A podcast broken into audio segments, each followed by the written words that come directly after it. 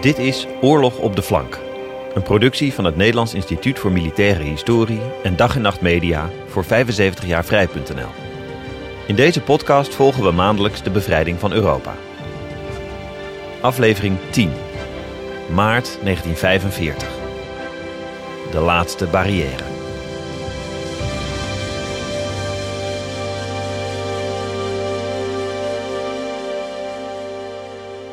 Het dorpje Remagen. In vreedzame tijden een bedaard plaatsje aan de Rijn. Romeinse ruïnes, middeleeuwse kastelen, pittoreske wijngaarden. De stad Bonn een paar kilometer verderop. Aan de oever van de rivier twee sinistere, vaalbruine stenen torens. Wakend over wat volgt. Een stalen kolos die de Rijn overspant. De Ludendorffbrug. De meest elegante brug over de Rijn? Nee, niet bepaald. Eerder een product van de Gründlichkeit van zijn Duitse ingenieurs. Maar begin maart 1945 wel de enige brug over de Rijn die nog intact is. En dus voor de oprukkende geallieerden de enige ongeschonden westelijke toegangspoort tot hartje Duitsland. De Ludendorffbrug bij Remagen was zijn gewicht in goud waard. Elke gestaalde kilo. We schrijven dus maart 1945. De ondergang van het Derde Rijk was definitief ingezet. In het oosten stond het Rode Leger voor de poorten van Berlijn. In het westen hadden Eisenhowers troepen het Rijnland schoongeveegd.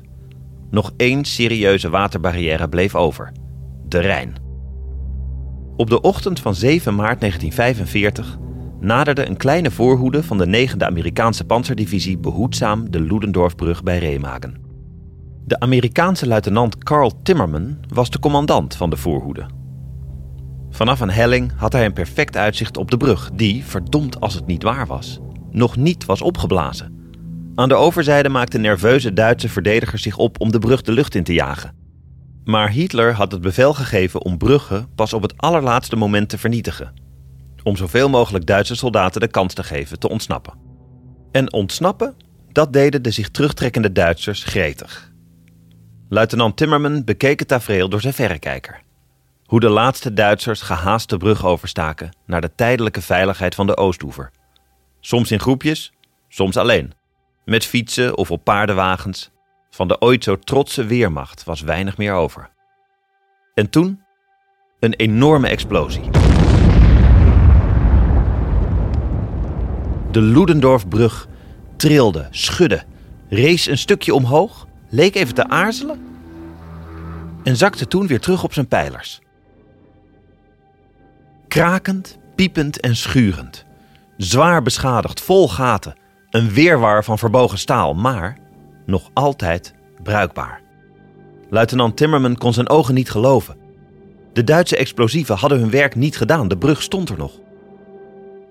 Er was nog een kans voor de jonge luitenant en zijn mannen om de Rijn over te steken. Door zijn verrekijker zag Timmerman alweer hoe de Duitse militairen aan de overkant nieuwe explosieven aansleepten. Dus hij aarzelde niet. Het was nu of nooit. Get going, you guys, get going! schreeuwde Timmerman.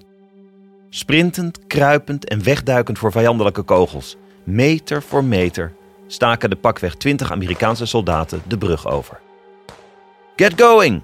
Steeds meer mannen namen de kreet over. Get going! Toen een soldaat er tijdens de bestorming in slaagde een van de twee torens aan de oostkant van de brug in te nemen, was de Duitse weerstand gebroken. Hello, BBC. This is Ian Wilson speaking from Supreme Headquarters. The Americans are over the Rhine. Supreme Headquarters announced a few minutes ago that General Hodges' 1st United States Army has crossed the Rhine. Elements reached the Rhine and crossed to establish a bridgehead on the east bank, somewhere south of Cologne. En zo kreeg een groepje doldrieste Amerikaanse GI's de Rijnbrug bij Remagen in handen. En oh, de ironie van de geschiedenis. De man die zo prominent meehielp de laatste nagels in de doodskist van de nazi's te slaan, luitenant Carl Timmerman, was van Duitse afkomst. Tijdens de Eerste Wereldoorlog was Timmermans vader gedeserteerd uit het Duitse leger en naar Amerika getrokken. Wanhopig probeerden de Duitsers van een afstand de brug alsnog te vernietigen. Met artilleriebeschietingen, met vliegtuigen, met kikvorsmannen. Maar het was tevergeefs. Our ACAC opposes persistent enemy attempts to dive bomb the Ludendorff Bridge.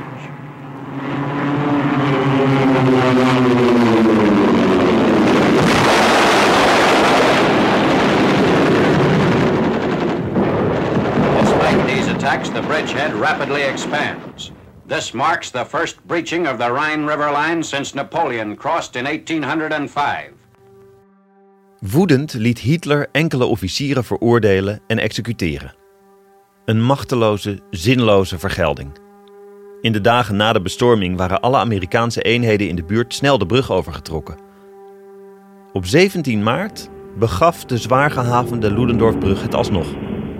Als een laatste daad van verzet sleepte de stalen reus tientallen Amerikanen mee de dood in. Maar veel maakte het niet meer uit. Het wonder van Remagen had al plaatsgevonden. De Amerikanen stonden definitief aan de overkant van de Rijn. Nu is de vraag: kon dit huzarenstukje nog iets voor Nederland betekenen? Nederland boven de grote rivieren zuchtte nog altijd onder het Duitse juk. Maar via de Rijn was het vanaf Remagen nog altijd zo'n 200 kilometer varen tot de Nederlandse grens. Nee, de bevrijding moest van elders komen. Van dichterbij. En als het even kon, zo snel mogelijk. Zuidelijk Nederland was bevrijd, al maanden eerder. Zodoende kon koningin Wilhelmina in maart 1945 terugkeren op Nederlandse bodem. Ze deed dat bij het Zeeuwse grensdorpje Ede.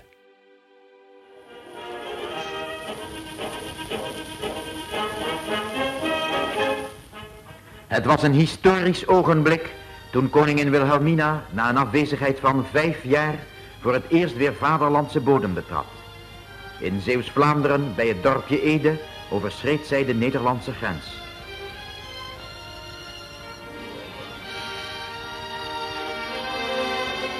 De begroeting was hartelijk, maar eenvoudig, in overeenstemming met de ernst der tijden.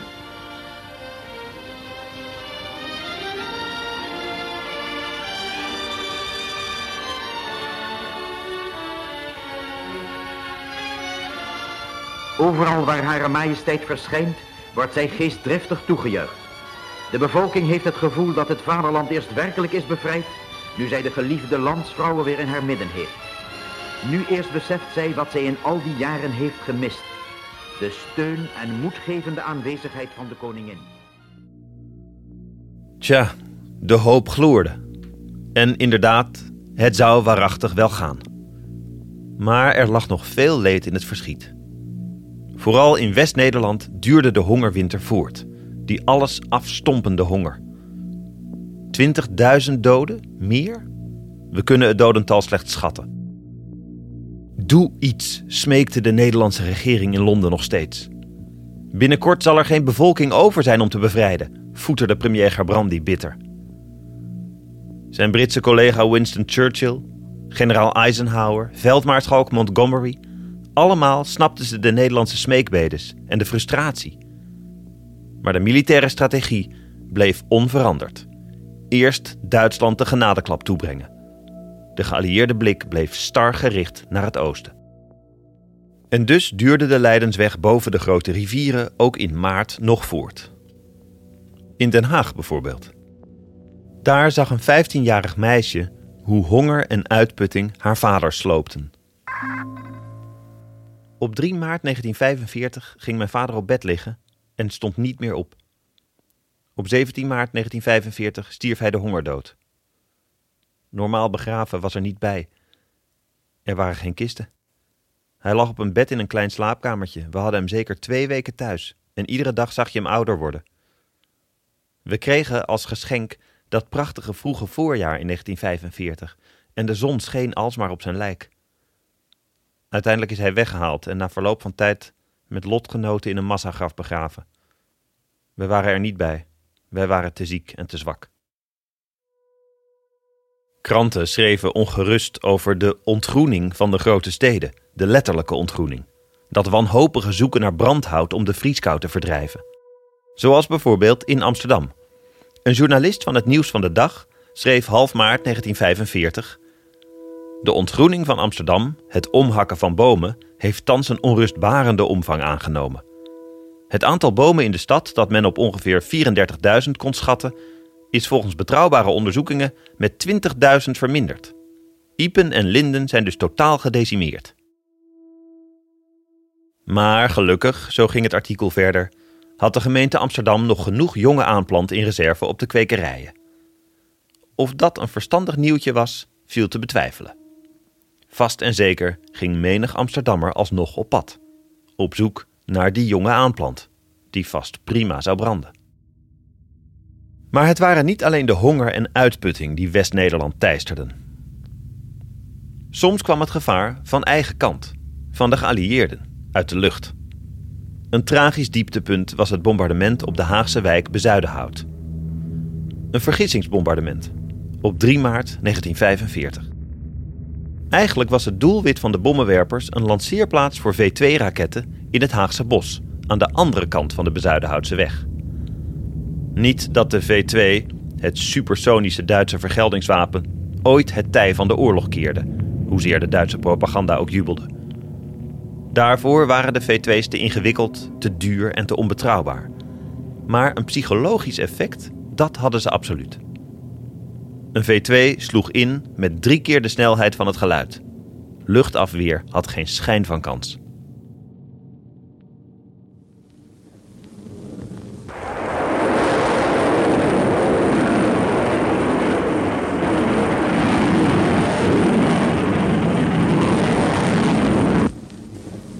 Though these giant rockets are said to attain a speed of two or three thousand miles an hour, the actual takeoff is very slow, something like 30 miles an hour. As for the sound, which you've just heard and are about to hear again, those of us in Britain who have listened to the roar that followed the explosion of a V2 on arrival will certainly recognize it.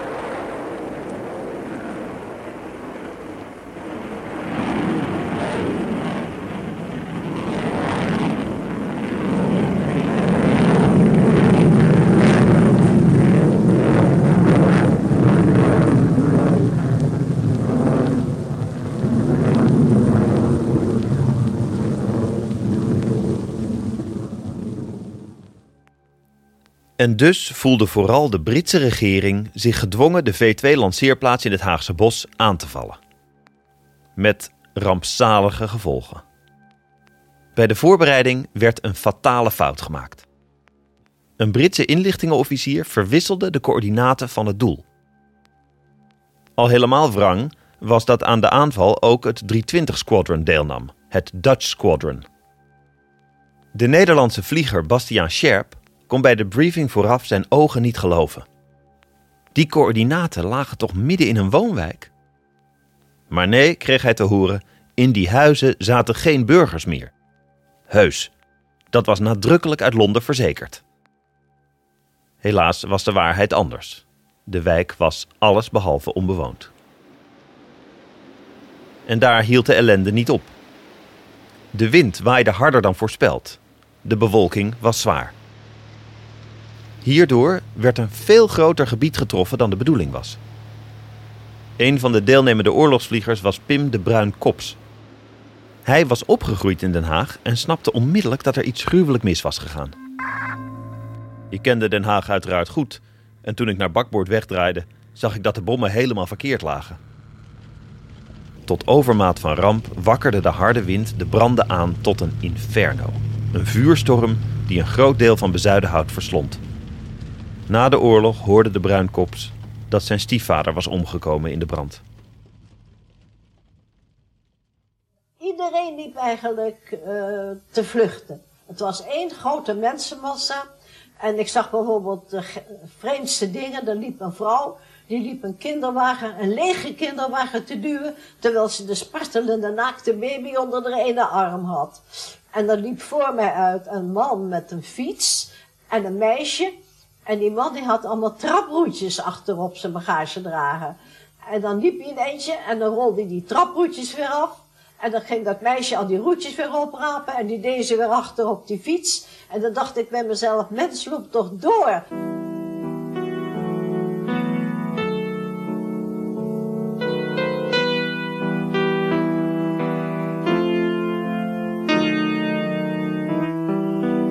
En buiten komende zag je de overkant van het Stolbergplein Ja, dat was een paar meter hoog en dat brandde en dat brandde en dat brandde. Ook zo'n merkwaardige gewaarwording. Die huizen aan de overkant, die grote, statige, kloeke huizen. Die je eigenlijk uit kunt tekenen, want ik was geboren in dat huis. Uh, dat dat er ineens niks meer is. Dat dat er niet meer is.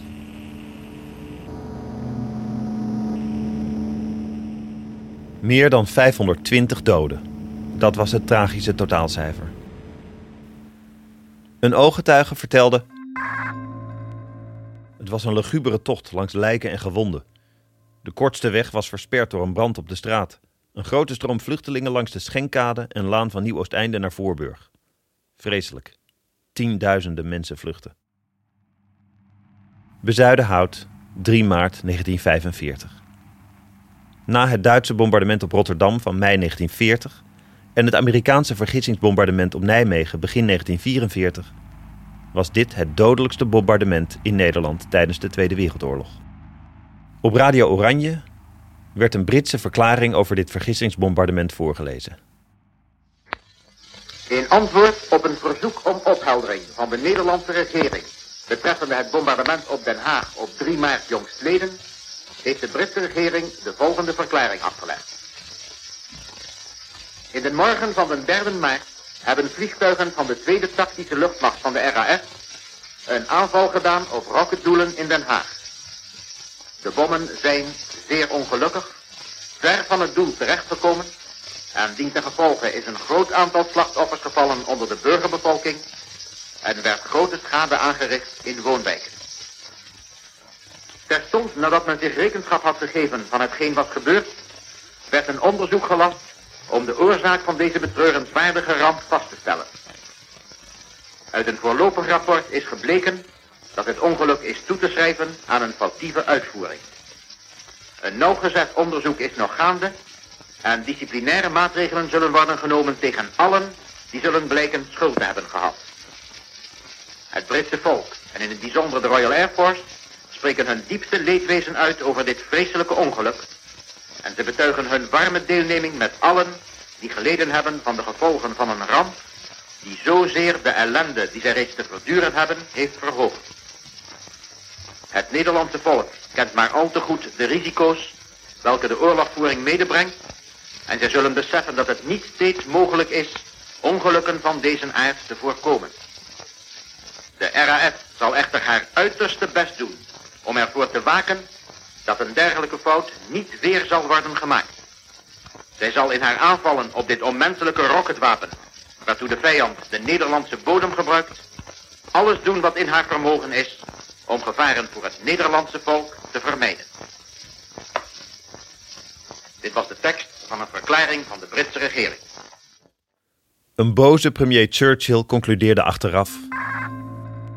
Willekeurig afgeworpen bommen op een beklagenswaardige stad. Zonder enige schade aan de V2-installaties, maar met enorme gevolgen voor onschuldige mensen en voor de gevoelens van een bondgenoot. Laten we terugkeren naar het strijdtoneel langs de oevers van de Rijn. De Amerikanen hadden bij Remagen hun wonderbaarlijke oversteek volbracht. Maar van groter belang voor Nederland was wat er 120 kilometer noordelijker gebeurde, twee weken later. Daar ging operatie Plunder van start, de oversteek van de Rijn in de buurt van Wezel. Ter ondersteuning kwamen Britse en Amerikaanse parachutisten en zweefvliegtuigen neer aan de overzijde van de Rijn. Operatie Varsity. De fatale fout van Market Garden werd niet herhaald. Nu lagen de landingszones op maar een paar kilometer van de oprukkende grondeenheden. Maar anderzijds, de Duitsers waren ook niet ver weg. Vanuit een zweefvliegtuig was BBC-verslaggever Richard Dimbleby ooggetuige van operatie Varsity. De lucht vol met zwarte wolkjes van Duitse granaten. Het verontrustende getik van scherfdeeltjes op de romp. Dan, vlak bij Dimbleby's zweefvliegtuig, een Sterling bommenwerper geraakt. 1, 2, 3, 4 parachutes maakten zich los van het gedoemde toestel.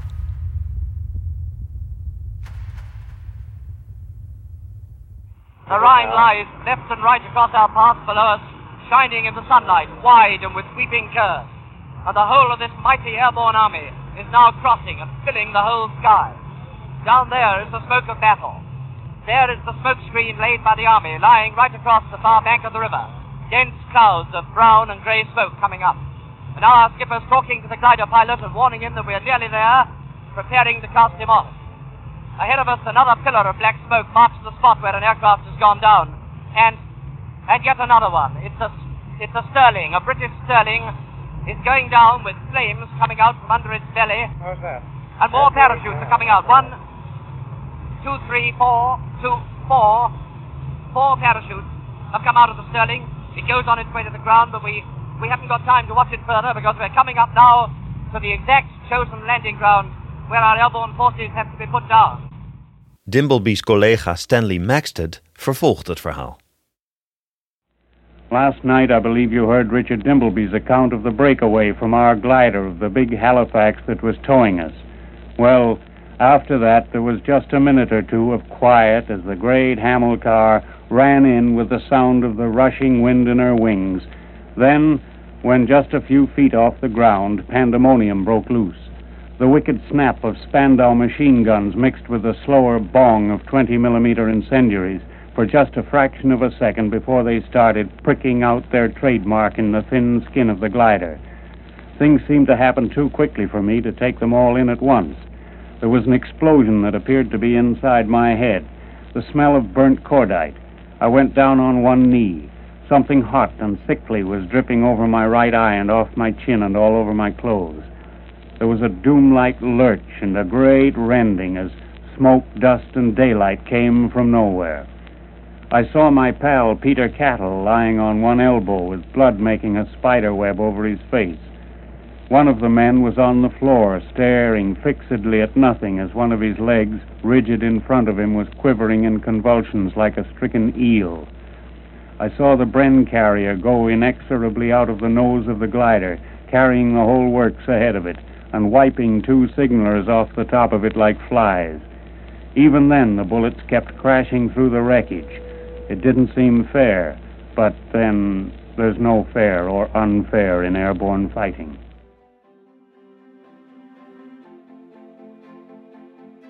There is no fair or unfair in airborne fighting. Zo is het. Sommige parachutisten stierven nog voor ze de grond raakten. Anderen stierven op de landingszones, kwetsbaar, op zoek naar hun nog verspreide kameraden. Maar toch keerde, onmiskenbaar, het tij.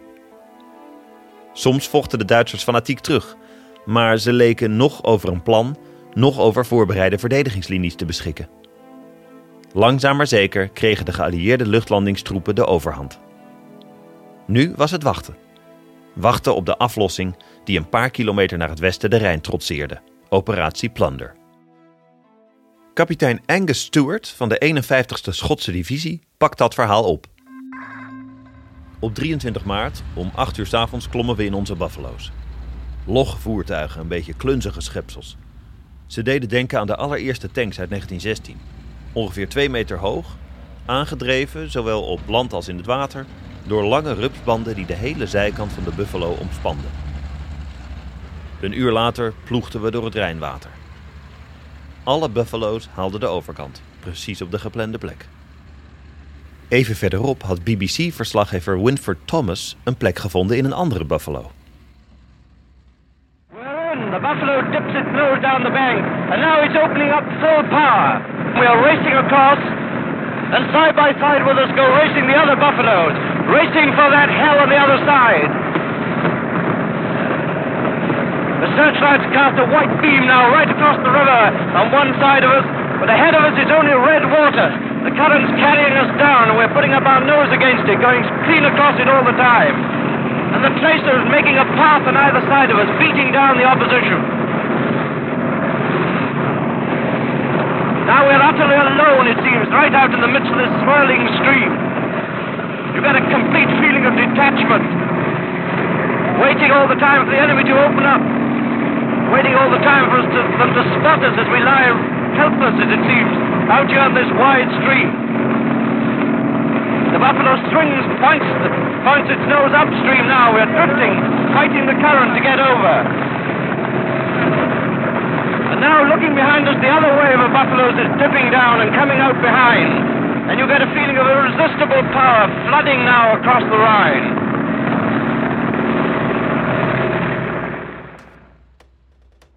Winford Thomas was bepaald onder de indruk. Irresistible power flowing across the Rhine. Wie kon deze geallieerde overmacht nog stuiten? Het laatste wanhopige Duitse verzet in elk geval niet. Soms gingen ze nog in de tegenaanval, maar dat stond eigenlijk gelijk aan zelfmoord. Ze konden niet op tegen de vlammenwerpers en massale artillerie. Al met al dus een geslaagde Rijnoversteek voor de geallieerden. Met wel de nodige verliezen, of zoals de Britse rapporten het achteraf droogjes verwoorden: moderately heavy casualties. Oorlogsgeweld maakt zelden onderscheid in rang en stand. Granaten al helemaal niet. Een van de meest in het oog springende slachtoffers tijdens operatie Plunder was generaal-majoor Thomas Rennie, commandant van de 51ste Highland Divisie. Deze divisie was eerder ingezet tijdens operatie Veritable, de slag om het Rijnland. Voor Rennie ging het mis op 24 maart. Een Britse kapitein was erbij. Generaal Rennie had me juist veel geluk gewenst. Ik had het bevel over een kolonne van zes panzervoertuigen. Juist toen hij ons passeerde, kwamen Duitse mortiergranaten neer. Net die ene fatale granaatsplinter vond generaal Rennie. Zijn dood was nogal een klap voor ons allemaal. Iedereen kende hem goed en hij was erg geliefd. Rennie was een van bijna 80 generaals uit het Britse gemeenebest die tijdens de Tweede Wereldoorlog om het leven kwamen. Al snel drukte de noordflank van operatie Plunder tegen de Duits-Nederlandse grens bij de Achterhoek. Eindelijk. Het begin van de bevrijding van Nederland boven de grote rivieren was aanstaande. Die bevrijding zou vooral het werk worden van het eerste Canadese legerkorps, dat uit Italië naar Nederland was gehaald. In vier dagen tijd en in het diepste geheim. Een knap staaltje van dit stiekeme legerkorps, de Incognito Corps.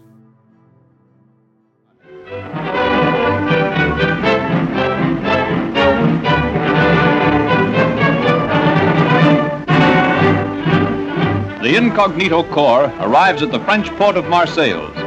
Here they unload for the last part of the trip.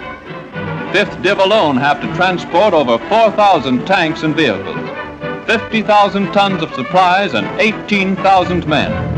The great task moves steadily ahead. The whole great movement is completed in an unbelievably short time.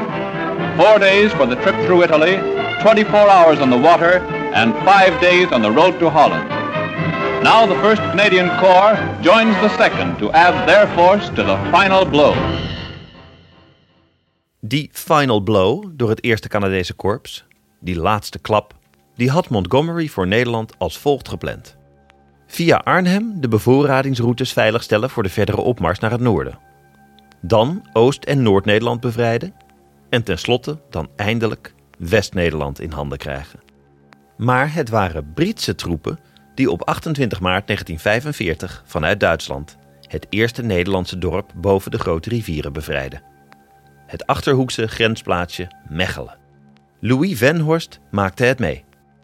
Zijn verhaal weerspiegelt de zo herkenbare mengelmoes van vervreemding, doodsangst en bevrijdingsvreugde. Woensdag 28 maart. Om 10 uur in de voormiddag waren de Britse stoottroepen aan de zuidkant van Mechelen. Verschillende huizen stonden inmiddels in brand. Er waren intussen vijf Duitse soldaten bij ons in de kelder gekropen. Een van hen liet me door zijn verrekijker richting Nieuweweg kijken, waar een Engelse soldaat op de tank zat te ontbijten. Zegt die Duitser: Daar zit der Tommy in alle Herrgottsfruhe zu frühstücken. Uiteindelijk besloot de broer van Louis Venhorst, Herman, naar de Engelse soldaten toe te gaan. Gewoon om te vertellen dat er Duitsers in de kelder zaten. Voor de zekerheid bond hij het witte gordijn van de voordeur maar aan een stok. De Engelsen liepen inderdaad mee. You bring those German soldiers here, beval de commandant. En zo geschiedde. Broer Herman waarschuwde de Duitsers dat ze verwacht werden. De Duitsers op hun beurt boden geen verzet. Ze vonden het welletjes zo. Jetzt ist das Feierabend, wir machen Schluss. Op de achterplaats sloegen ze hun wapens kapot. Met een boogje verdween de grendel van het machinegeweer in de regengoot. Die nacht sliepen Louis en zijn familie in de kelder. De Engelse soldaten kropen boven in de bedden. De dag erop, 29 maart, was Mechelen helemaal bevrijd. Weer twee dagen later ging de opmars verder. De Engelsen trokken naar het oosten, naar de kant van Anholt, en een intussen gearriveerde Canadese eenheid ging naar het noordwesten, naar de kant van Gendringen en Netterden. Dat was een mooi gezicht, besloot Louis Venhorst zijn verhaal. Mechelen was bevrijd, als eerste dorp boven de grote rivieren. Maar zoals zo vaak betaalden de inwoners een zware prijs. Elke Duitser die terugvocht kon rekenen op een vuurstorm van artillerie, tanks en vlammenwerpers. Brute force, de overmacht aan vuurkracht. Van de ruim 100 huizen in het dorp bleven er wel geteld vier ongeschonden. Onnodige risico's werden door de geallieerden nauwelijks meer genomen. En zo brak eind maart 1945 de laatste fase aan van de Tweede Wereldoorlog in Europa. De verovering van Oost- en Noord-Nederland was begonnen. En nog wat verder naar het oosten rukten Britse en Canadese divisies onstuitbaar op. Opnieuw was BBC-verslaggever Winford Thomas van de partij. Eigenlijk voor het eerst bekroop hem een vreemd opwindend gevoel. Het gevoel van het daadwerkelijk opslurpen van het vijandelijke gebied. That real feeling of conquest. Tientallen kilometers per dag. Geen Duitse tegenstand te bekennen. Nou ja, behalve misschien dat groepje Hitlerjugend dat met een anti-tankwapen een wegversperring bemande. Maar daar maakten de geallieerde tanks korte metten mee. Winford Thomas reed mee in de geallieerde speerpunt. In razend tempo oprukkend door het glooiende Duitse landschap. Bestrooid met bakstenen boerderijen. De witte lakens uit het raam als teken van overgave. Mile after mile without pause. And everyone is moving faster because out here we can see the end to it all now. And it's the strangest possible sensation to be driving almost at will, utterly unmolested, through the heart of your enemy's country. It just doesn't seem possible, and yet, somehow, here we are.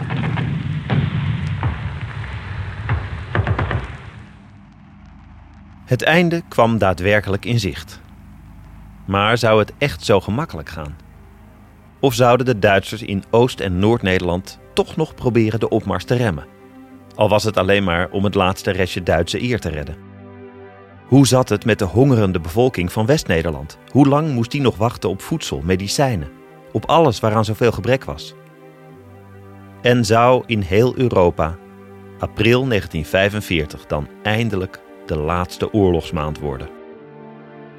Luister voor de antwoorden naar de volgende aflevering van Oorlog op de Flank.